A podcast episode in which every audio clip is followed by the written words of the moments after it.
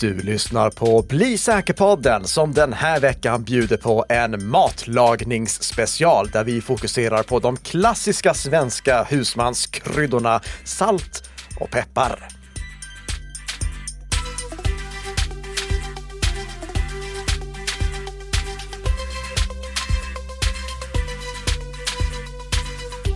God morgon, god morgon Peter! God morgon! Kryddor som till vardags är livsnödvändiga. Ja, och väldigt viktiga för att upprätthålla säkerheten när vi hanterar våra lösenord. Det är det som vi ska prata om i den här veckans huvudämne i Bli säker-podden som produceras i samarbete mellan Nika Systems och Bredband2. Inspelat den 16 mars 2023. Precis. Ni lyssnar ju här den 17 mars 2023. Så det kan inte ha hänt så himla mycket emellan. Vad som däremot har hänt är att vi behöver korrigera någonting som vi sa Ja, det, och, och, jag kan faktiskt ta på mig hela skulden, för det var jag som sa ett litet fel i förra veckans avsnitt. Då pratade vi om QR-koden som används för att eh, skicka de parametrar som ska användas vid tvåfaktorsautentisering och generering av de rätta engångskoderna. Och då pratade jag om hur flexibel den här lösningen var och att du till exempel kan skicka med en parameter som säger att en annan hash-algoritm än den som används som standard ska eh, användas eller att det ska genereras ett annat antal siffror än det som är standard eller eh, att det ska eh, baseras på ett annat tidsintervall än det som är standard eller att det ska utgås från en annan tidpunkt än epok, alltså 1 januari 1970. Men den där sista delen, den stämde inte helt för att även om det verkar, alltså när jag läser standarden, eh, eller RFC, RFC 6238, då står det så här, citat på engelska. T0 is the Unix time to start counting time steps. Default value is zero, that is the Unix epoch, and is also a system parameter. Slutcitat.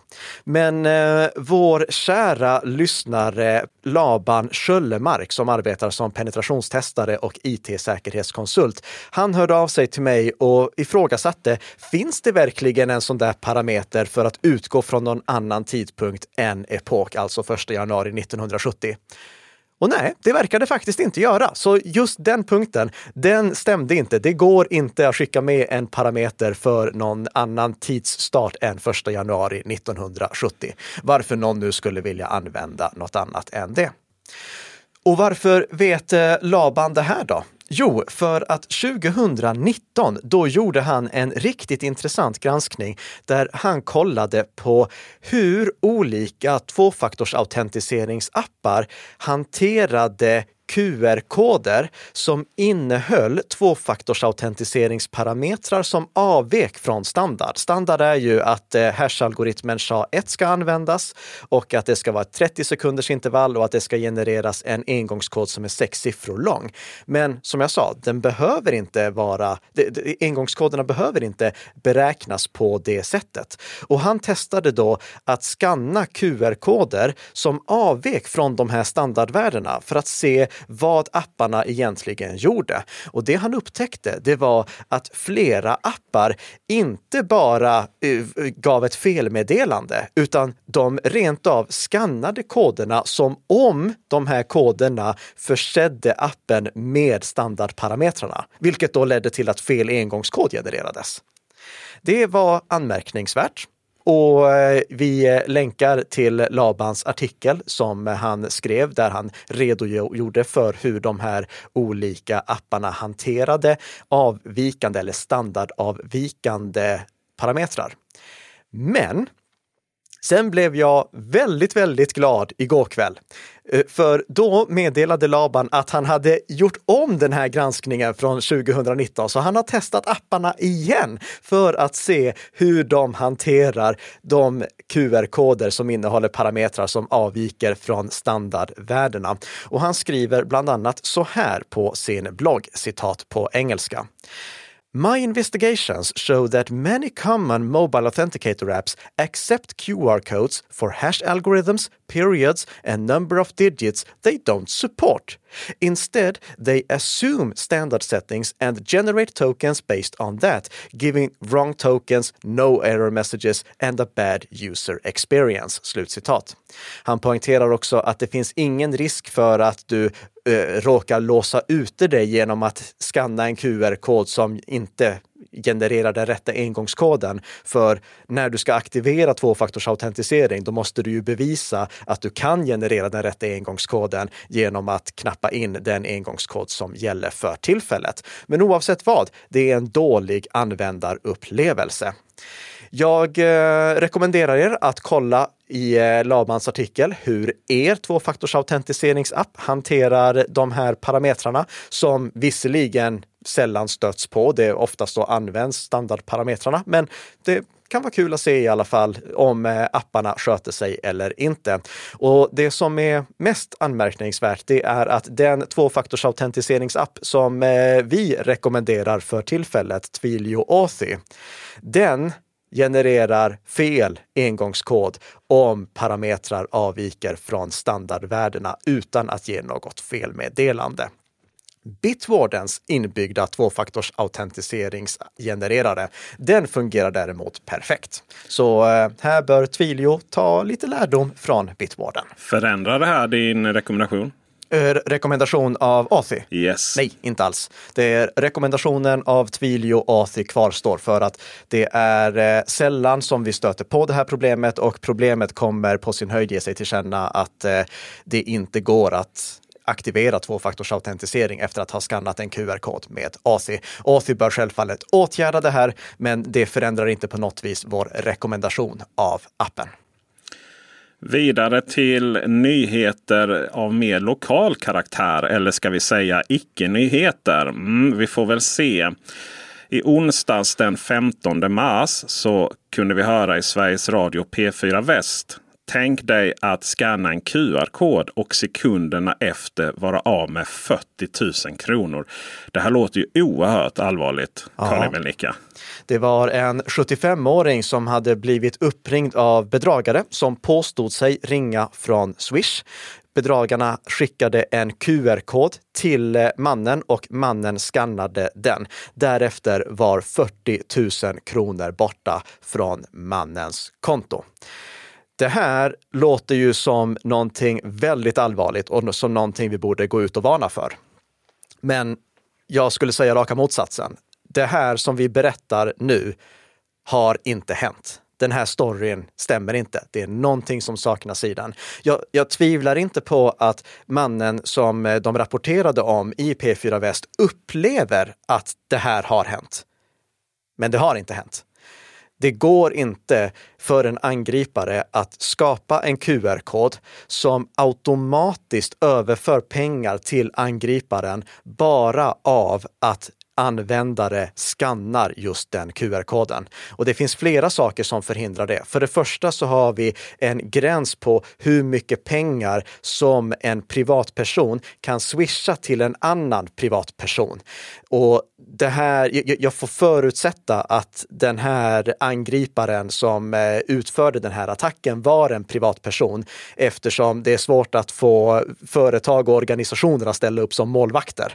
Eh, de här beloppsgränserna, de är mycket högre ifall swishen går till en organisation eller till ett företag som har ett sånt här 123 nummer. Till exempel Nikka System som ni kan swisha. Nej. Eh, men där är det högre beloppsgränser. Men om det är till en privatperson, vilket vi får förutsätta för att om du ska få en målvakt att ställa upp så lär det vara en privatperson då är de här beloppsgränserna ganska låga. Det Nordea, de har som standard 5 000 kronor per betalning eller 10 000 kronor per vecka. SCB har 15 000 kronor per dag. Handelsbanken har 10 000 kronor per dygn och Swedbank har upp till 15 000 kronor per vecka. Annars måste användaren aktivera en tillfällig höjning av beloppsgränsen. Men det är bara den ena saken. Den andra saken är att när du swishar till någon genom att skanna en QR-kod, då är det två steg kvar. Då måste du trycka på att du vill swisha efter att du har sett hur mycket pengar det är som går iväg och till vilken mottagare. Och därefter så måste du signera med mobilt bank-id.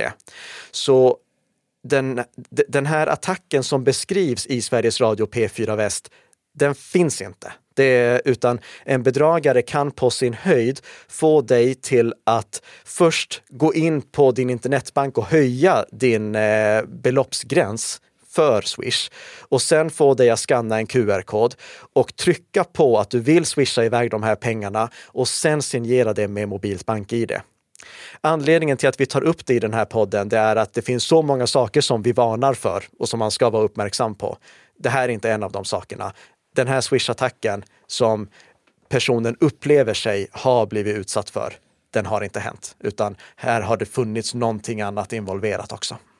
Det har ju varit patch-tisdag. Ja, det har det varit! Och då undrar man ju, eh, har vi fått se lite mer allvarligare ja, det har varit några allvarliga saker. Adobe orkar vi inte gå igenom den här gången, men de har fixat lite saker i Illustrator som är viktiga att uppdatera, ja. så installera uppdateringarna ändå. Jag har valt ut två stycken intressanta sårbarheter som Microsoft åtgärdade. Microsoft åtgärdade totalt 83 stycken sårbarheter, inklusive de här två aktivt utnyttjade nolldagars sårbarheterna. Och anledningen till att vi vill lyfta upp dem, det är att den ena är väldigt allvarlig och den andra, den återknyter knyter till någonting som vi pratade om i förra veckans avsnitt. Vi börjar med att prata om CVE 2023 23 397, godingen. Den beskriver Microsoft så här, citat på engelska.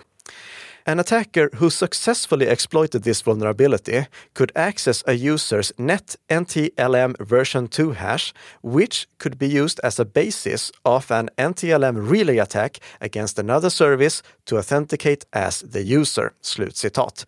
Och eh, vi översätter det här också vad det innebär. Det innebär alltså att den här sårbarheten kunde användas för att stjäla NTLM-hashen och vi kommer prata om vad hashar är i veckans huvudämne. Eh, och NTLM, det är en gammal förlegad autentiseringsmetod som inte bör användas längre, men som Windows fortfarande stödjer för att vara kompatibelt med äldre system. Så en angripare kunde alltså få tillgång till den här hashen för att därigenom kunna autentisera sig på andra system. Det här är någonting som vi ser att eh, angripare använder när de vill infiltrera en organisation. De börjar med att få fotfäste någonstans och sen använder de fler attacker för att kunna ta sig vidare i organisationen och autentisera sig till fler system. Och vad är det som var så allvarligt med det här då? Jo, när eh, Microsoft beskriver vad som offret behövde göra för att eh, bli drabbad av det här, då är det egentligen ingenting. Citat på engelska. The attacker could exploit this vulnerability by sending a specially crafted email which triggers automatically when it is retrieved and processed by the Outlook client. This could lead to exploitation before the email is viewed in the preview pane. Slutcitat. Det är allvarligt. Alltså normalt sett när vi pratar om eh, skadeprogram som sprids via e-post, då förutsätter det åtminstone att användaren öppnar en bifogad fil. Här räckte det med att användarens Outlook-klient på Windows tog emot det här mejlet. Och en användare kan ju inte själv styra över vilka mejl som användaren tar emot. Så det här var verkligen ett öppet mål för angripare att använda. Den andra sårbarheten, CVE 2023 24 880, den är inte lika allvarlig, men den är intressant eftersom vi i förra veckans avsnitt pratade om eh, skadeprogram som spreds via anteckningsböcker. Och det är för att den här sårbarheten, den leder till det här, citat på engelska. An attacker can craft a malicious file that would evade mark of the web defenses, resulting in a limited loss of integrity and availability of security features such as protected view in Microsoft Office, which rely on mark of the web tagging. Slutcitat. Vad är Mark of the Web? Jo, det var precis det som de här anteckningsböckerna syftade till att kringgå.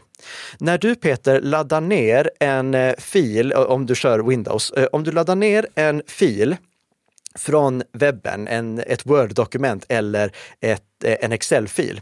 Då kommer Windows att lägga till en liten tagg på den här filen som säger att den här filen, den kommer från en plats på nätet. Samma sak ifall du får den mejlad till dig. Den har alltså Mark of the Web. Det, det, står att den här filen, den kommer från webben. Och anledningen till det, det är ju att om du skapar ett Word-dokument på din dator, då är det väldigt liten sannolikhet att det innehåller skadeprogram. Eh, ja, det är du som måste ha lagt dit det i så fall. Medan om du laddar ner en Word-fil från webben, då är sannolikheten desto högre att det finns ett skadeprogram där i. Och det är därför som Word, innan Word öppnar den här filen och låter det göra vad som helst, kollar ifall det finns en sån här liten Mark of the Web-flagga och i så fall stänger av makron och allt sånt så att du inte ska kunna bli infekterad av den här filen. Det som vi pratade om i förra veckan, det var att angripare hade lagt skadeprogrammet i en anteckningsbok. Och om du laddar ner den anteckningsboken, då har ju anteckningsboken Mark of the Web, eller hur? Ja. För att den kommer från nätet. Men filer som ligger inuti anteckningsboken har inte det, för de lades ju dit när det var en anteckningsbok som var liksom lokal på angriparens dator. Angriparen skapade allt det här på sin dator och skickade iväg och då fick den här anteckningsboken Mark of the Web-flaggan, men inte de filer som låg inuti anteckningsboken. Det här har vi tidigare sett att angripare använt för att kringgå det här Mark of the Web-skyddet genom att skicka zip-filer. För tänk dig att du är en angripare. Du vill skapa ett skadeprogram som inte ska påverkas av det här skyddet, inte få någon extra varning i Windows eller någonting sånt. Istället för att skicka den infekterade filen direkt till användaren eller lura användaren att ladda ner den direkt. Då tar du och sätter den här infekterade filen i ett zip-arkiv, alltså en komprimerad fil. Och så skickar du zip-filen eller laddar upp den här zip-filen. För när användaren sedan laddar ner zip-filen, då har ju zip-filen Mark of the Web-flaggan. Men innehållet i zip-filen lades ju dit utan att Mark of the Web-flaggan fanns där. Så det som ligger inuti ZIP-filen, det hade tidigare inte då Mark of the Web. Så det var ett sätt att lura användare att infektera sig själva. Eh, just ZIP-filer, det har Microsoft löst. Så om du packar upp en ZIP-fil som kommer från eh, eh, från webben, du har laddat ner den från webben, då ser Microsoft till att även innehållet i ZIP-filerna får Mark of the Web-flaggan. Och det gäller även det rekommenderade eh, ZIP-program som eh, jag använder, eh, 7-zip. 7-zip gjorde tidigare inte det, men nu gör 7-zip det också. Så det här det är en intressant metod som Windows har för att skydda mot skadliga filer. Och angripare hittar olika sätt att kringgå dem. Förra veckan då pratade vi om anteckningsböcker som ett sätt att kringgå det och den här veckan pratar vi om sårbarheten CVE 2023 24 880 som de också kan använda för att se till att du får en fil utan att Mark of the Web-flaggan gör att eh, det kommer ja, varnas på något extra sätt i Windows. Och hur undviker vi då det här? Vad är rekommendationen? Ja, som vanligt efter att det har varit patch-tisdag, installera uppdateringarna snarast möjligt. Och med det så är det dags att krydda till det här avsnittet lite. Och vi är då inne på veckans huvudämne, salt och peppar. Exakt, och vi ska äta lunch efter att vi har uh, spelat in det här poddavsnittet. Man blir lite det, hungrig. Ja, det, och våra lyssnare kanske sitter och äter frukost. Då passar inte salt och peppar lika bra dock. Ja, en omelett kanske? Ja, kanske det, kanske det. Vad är det vi ska prata om nu? Jo, förra veckan då hade vi ett huvudämne som handlade om hur eh, eh, Eh, egentligen tvåfaktorsautentisering fungerade. Och jag tänkte att vi följer upp det avsnittet med ett avsnitt som handlar om hur lösenord egentligen fungerar. Så att vi har de här två avsnitten tillsammans som vi kan hänvisa tillbaka till när vi pratar om de här sakerna i framtida avsnitt. Så vi tar ett litet exempel. Vi säger att jag driver en webbplats och Peter, du vill eh, först registrera dig på den webbplatsen och sen vill du kunna logga in på den webbplatsen också Mm. med användarnamn och Gärna. lösenord. Så du får börja med att registrera dig. Då frågar jag som webbplats, vilket användarnamn vill du ha? Eh, E-post eller? va- utan- användarnamn. Bara användarnamn. Nej, men vi kan väl eh, slå på stort och säga Peter Esse. Ja. Vilket lösenord vill du ha? Ja, men då kör vi gamla klassikern Hej 123. Mm. Då tar jag som eh, dålig webbplats och sparar i databasen att användarnamnet Peter Esse och lösenordet hej123 hör ihop med Peter Esses konto. Vilket otroligt dåligt lösenord Ja. vill jag bara ha för till protokollet. Precis. Så nästa gång du loggar in eller vill logga in, då frågar jag dig, vilket är ditt användarnamn? Uh, Peter Esse. Vilket är ditt lösenord? Uh, hej 123. Ja, och då säger jag, men det är samma sak som ligger i databasen, alltså så kan du logga in. Problemet med det här, det är ju om eh, den här väldigt dåliga webbplatsen skulle råka ut för en lösenordsläcka. För i så fall läcker ju Peter Esses lösenord och då kan angripare veta att okej, Peter Esse hade valt Hej 123 till den här webbplatsen och kanske har valt det till fler webbplatser också. Vi har många gånger pratat om den eminenta kostnadsfria tjänsten Have I been pwned? Om ni inte har registrerat er där så gör det omedelbart så att ni får en notis ifall er eh, e-postadress dyker upp i framtida lösenordsläckor. Eller bara för att kolla vilka lösenordsläckor har er e-postadress figurerat i hittills. Och det stavas inte som det låter. Nej, det, men det ligger ju en länk i veckans show notes. Naturligtvis. Ja, naturligtvis. Så där kan vi också se vilka stora lösenordsläckor som har varit historiskt. Och jag tog och kollade tillbaka lite, Jag bläddrade tillbaka till eh, eh, en lösenordsläcka som lades till den 2 mars i år. Eh, det var lösenord som läckte från gunauction.com den 3 december 2022. Då läckte 565 000 konton inklusive personuppgifter som kunde kopplas till vapen som listades, på försäljning, listades till försäljning på den här webbplatsen och lösenord i klartext. Det finns inte något sammanhang under några omständigheter och med några undantag som en webbplats får lagra lösenord i klartext. Det, alltså, det, det, det, det är sånt generalmisstag att jag blir mörkrädd. Och eh, Förr i tiden, då var det faktiskt ganska vanligt att webbplatser gjorde det. Och eh, ni lyssnare, ni minns kanske någon gång då ni hade glömt lösenordet till en webbplats och så valde ni att eh, få eh, ett lösenordsåterställningsmail. Men istället för en länk med lösenord som ni kunde klicka på för att välja ett, eh, ett nytt lösenord så fick ni tillbaka lösenordet som ni hade valt en gång i tiden. Du vet inte om detta Karl Nicka, men det var så vi lärde känna varandra. Var det? Du, eh, jag jobbade på ett företag som hade ett gammalt system och det är länge utbytt. Och du kontaktade mig och tyckte att det här var inte bra. Jag hade faktiskt glömt bort det helt. Det, men jag kan säga att det låter som mig. Ja, det, är, det är väldigt tacksamt. Men, men på den tiden, kanske inte den tiden för det var lite väl sent. Men, men när det infördes så man, man såg ju det som en, en, en liksom service att få sitt lösenord. Det var ju jättesmidigt. Få det skickat till sig. Ja. Naiviteten liksom. Ehm, Men jag antar att det här inte var på början av 90-talet. Nej. Nej, det, då var det inte okej längre att göra på det här sättet. Det som, eh, och, och, om ni någon gång, om ni lyssnade någon gång återställer ert lösenord och ni får tillbaka det lösenordet ni en gång hade valt, kontakta det företaget direkt för att det är jätteallvarligt. Om de råkar ut för en lösenordsläcka så försvinner ju alla lösenord på ett och samma nafs. Okej, så hur gör jag då för att förbättra den här påhittade webbplatsen? Jo, istället för att jag sparar ditt lösenord, eh, hej 123, så hashar jag lösenordet. Och hasha lösenordet, eh, det innebär att jag envägskrypterar det. Jag räknar ut ett värde som representerar ditt lösenord, men som aldrig någonsin kan användas för att få tillbaka ditt lösenord. Det är det som skiljer mellan traditionell kryptering och envägskryptering eller hashning. Med vanlig eh, kryptering, då finns det en nyckel som kan användas för att dekryptera och få tillbaka lösenordet. Men med envägskryptering och hashing, då finns det inte det. Så när du loggar in nästa gång, då har jag inte en aning om vilket ditt lösenord är.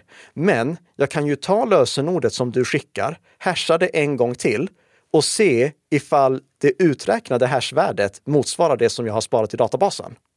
Så om du till exempel, eh, du, du registrerade dig med Hej 123.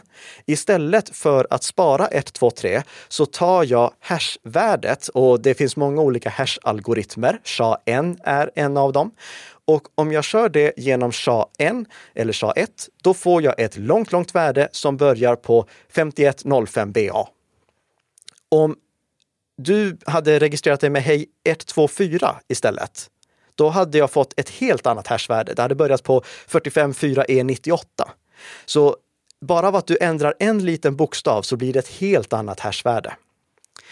När LinkedIn råkade ut för sin enorma dataläcka, LinkedIn det är ju en av de största eh, lösenordsläckorna genom tiderna. Då läckte de 164 miljoner konton och de här lösenorden, de var SHA-1-hashade. Så de låg inte sparade i klartext utan hashvärdena låg sparade istället. Och det innebar att i så fall behövde ju angripare testa vilket lösenord det var som gav det hashvärdet. Alltså de fick sätta en dator på att testa, är det det här lösenordet som ger det hashvärdet eller är det det här lösenordet som ger det hashvärdet? I och med att det inte går att dekryptera eller köra baklänges. Om du har ett RTX 4090 grafikkort, ett det är väl fortfarande top of the line grafikkortet? Det är det. Då kan du generera miljarder SHA-1-hashar varje sekund.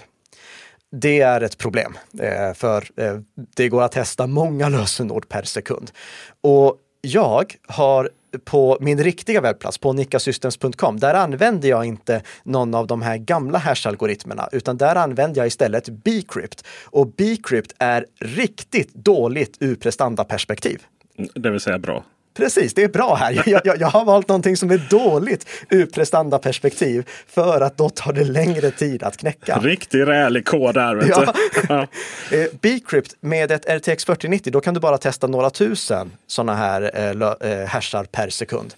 Och det kan ju låta mycket med tusentals hashar per sekund, men det är fortfarande bara en miljontedel av hur många SHA-1-hashar eller ännu värre MD5-hashar som går att testa per sekund. Men LinkedIn hade ändå gjort fel. Eh, och felet var inte att de inte använde Bcrypt, eh, utan felet de hade gjort, det var att de hade sparat lösenorden hashade rakt upp och ner. Och vad är problemet med det? Jo, du hade ju valt lösenordet hej 123. Ja, visst. Som gav hashvärdet som började på 5105 BA. Ja, men. Alla andra som hade valt samma lösenord hade ju också samma hash. Mm. Så ifall angriparna lyckades knäcka ett lösenord, då hade de knäckt lösenordet till alla som hade valt just det lösenordet. Men det är inte nog med det. Angripare som knäcker lösenord, de tar ju också och effektiviserar processen lite.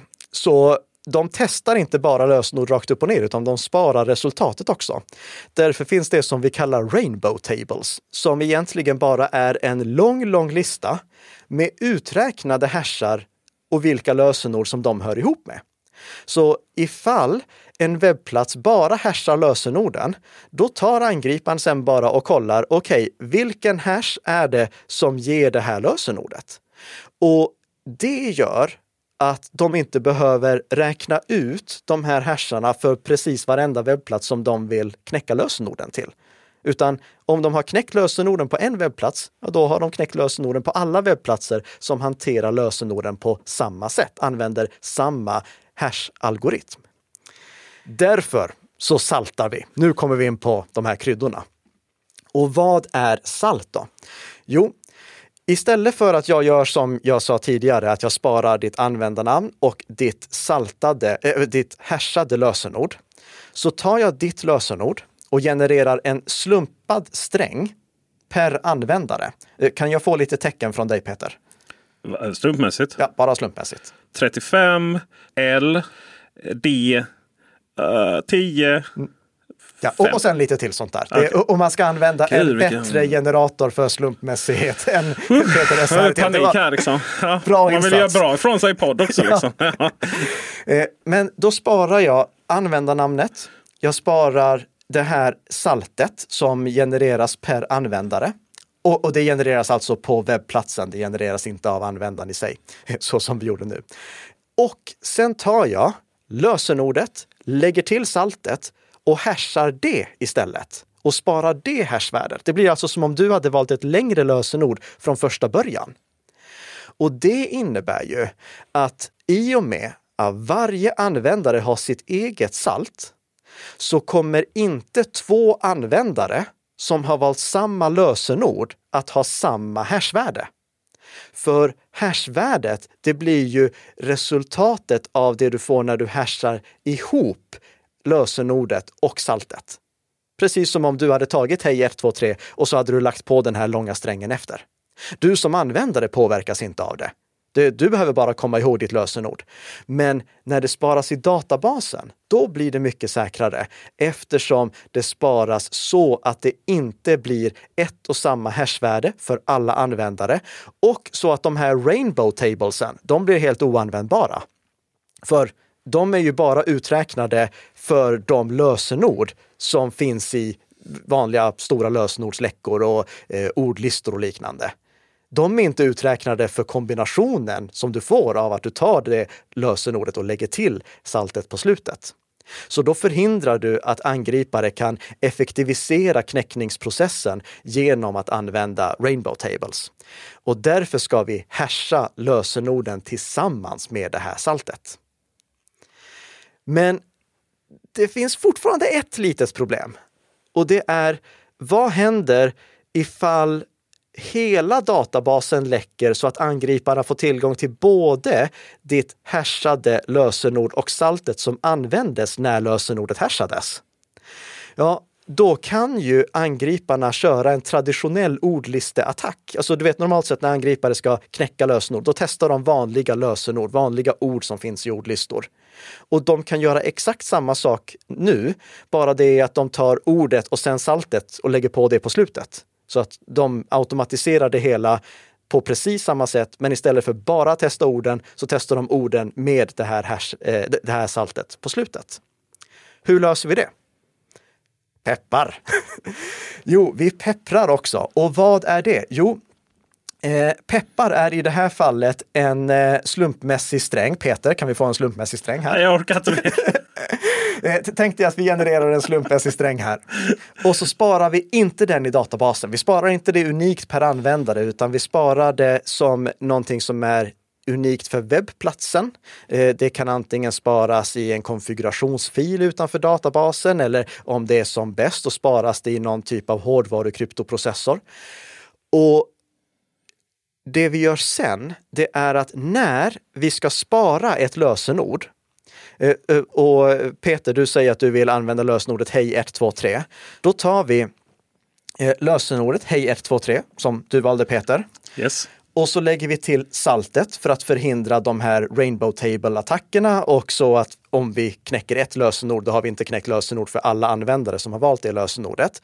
Och så lägger vi till vår peppar också som är unik för den här webbplatsen och inte ligger i databasen och därför inte kan läcka samtidigt som lösenorden och salten.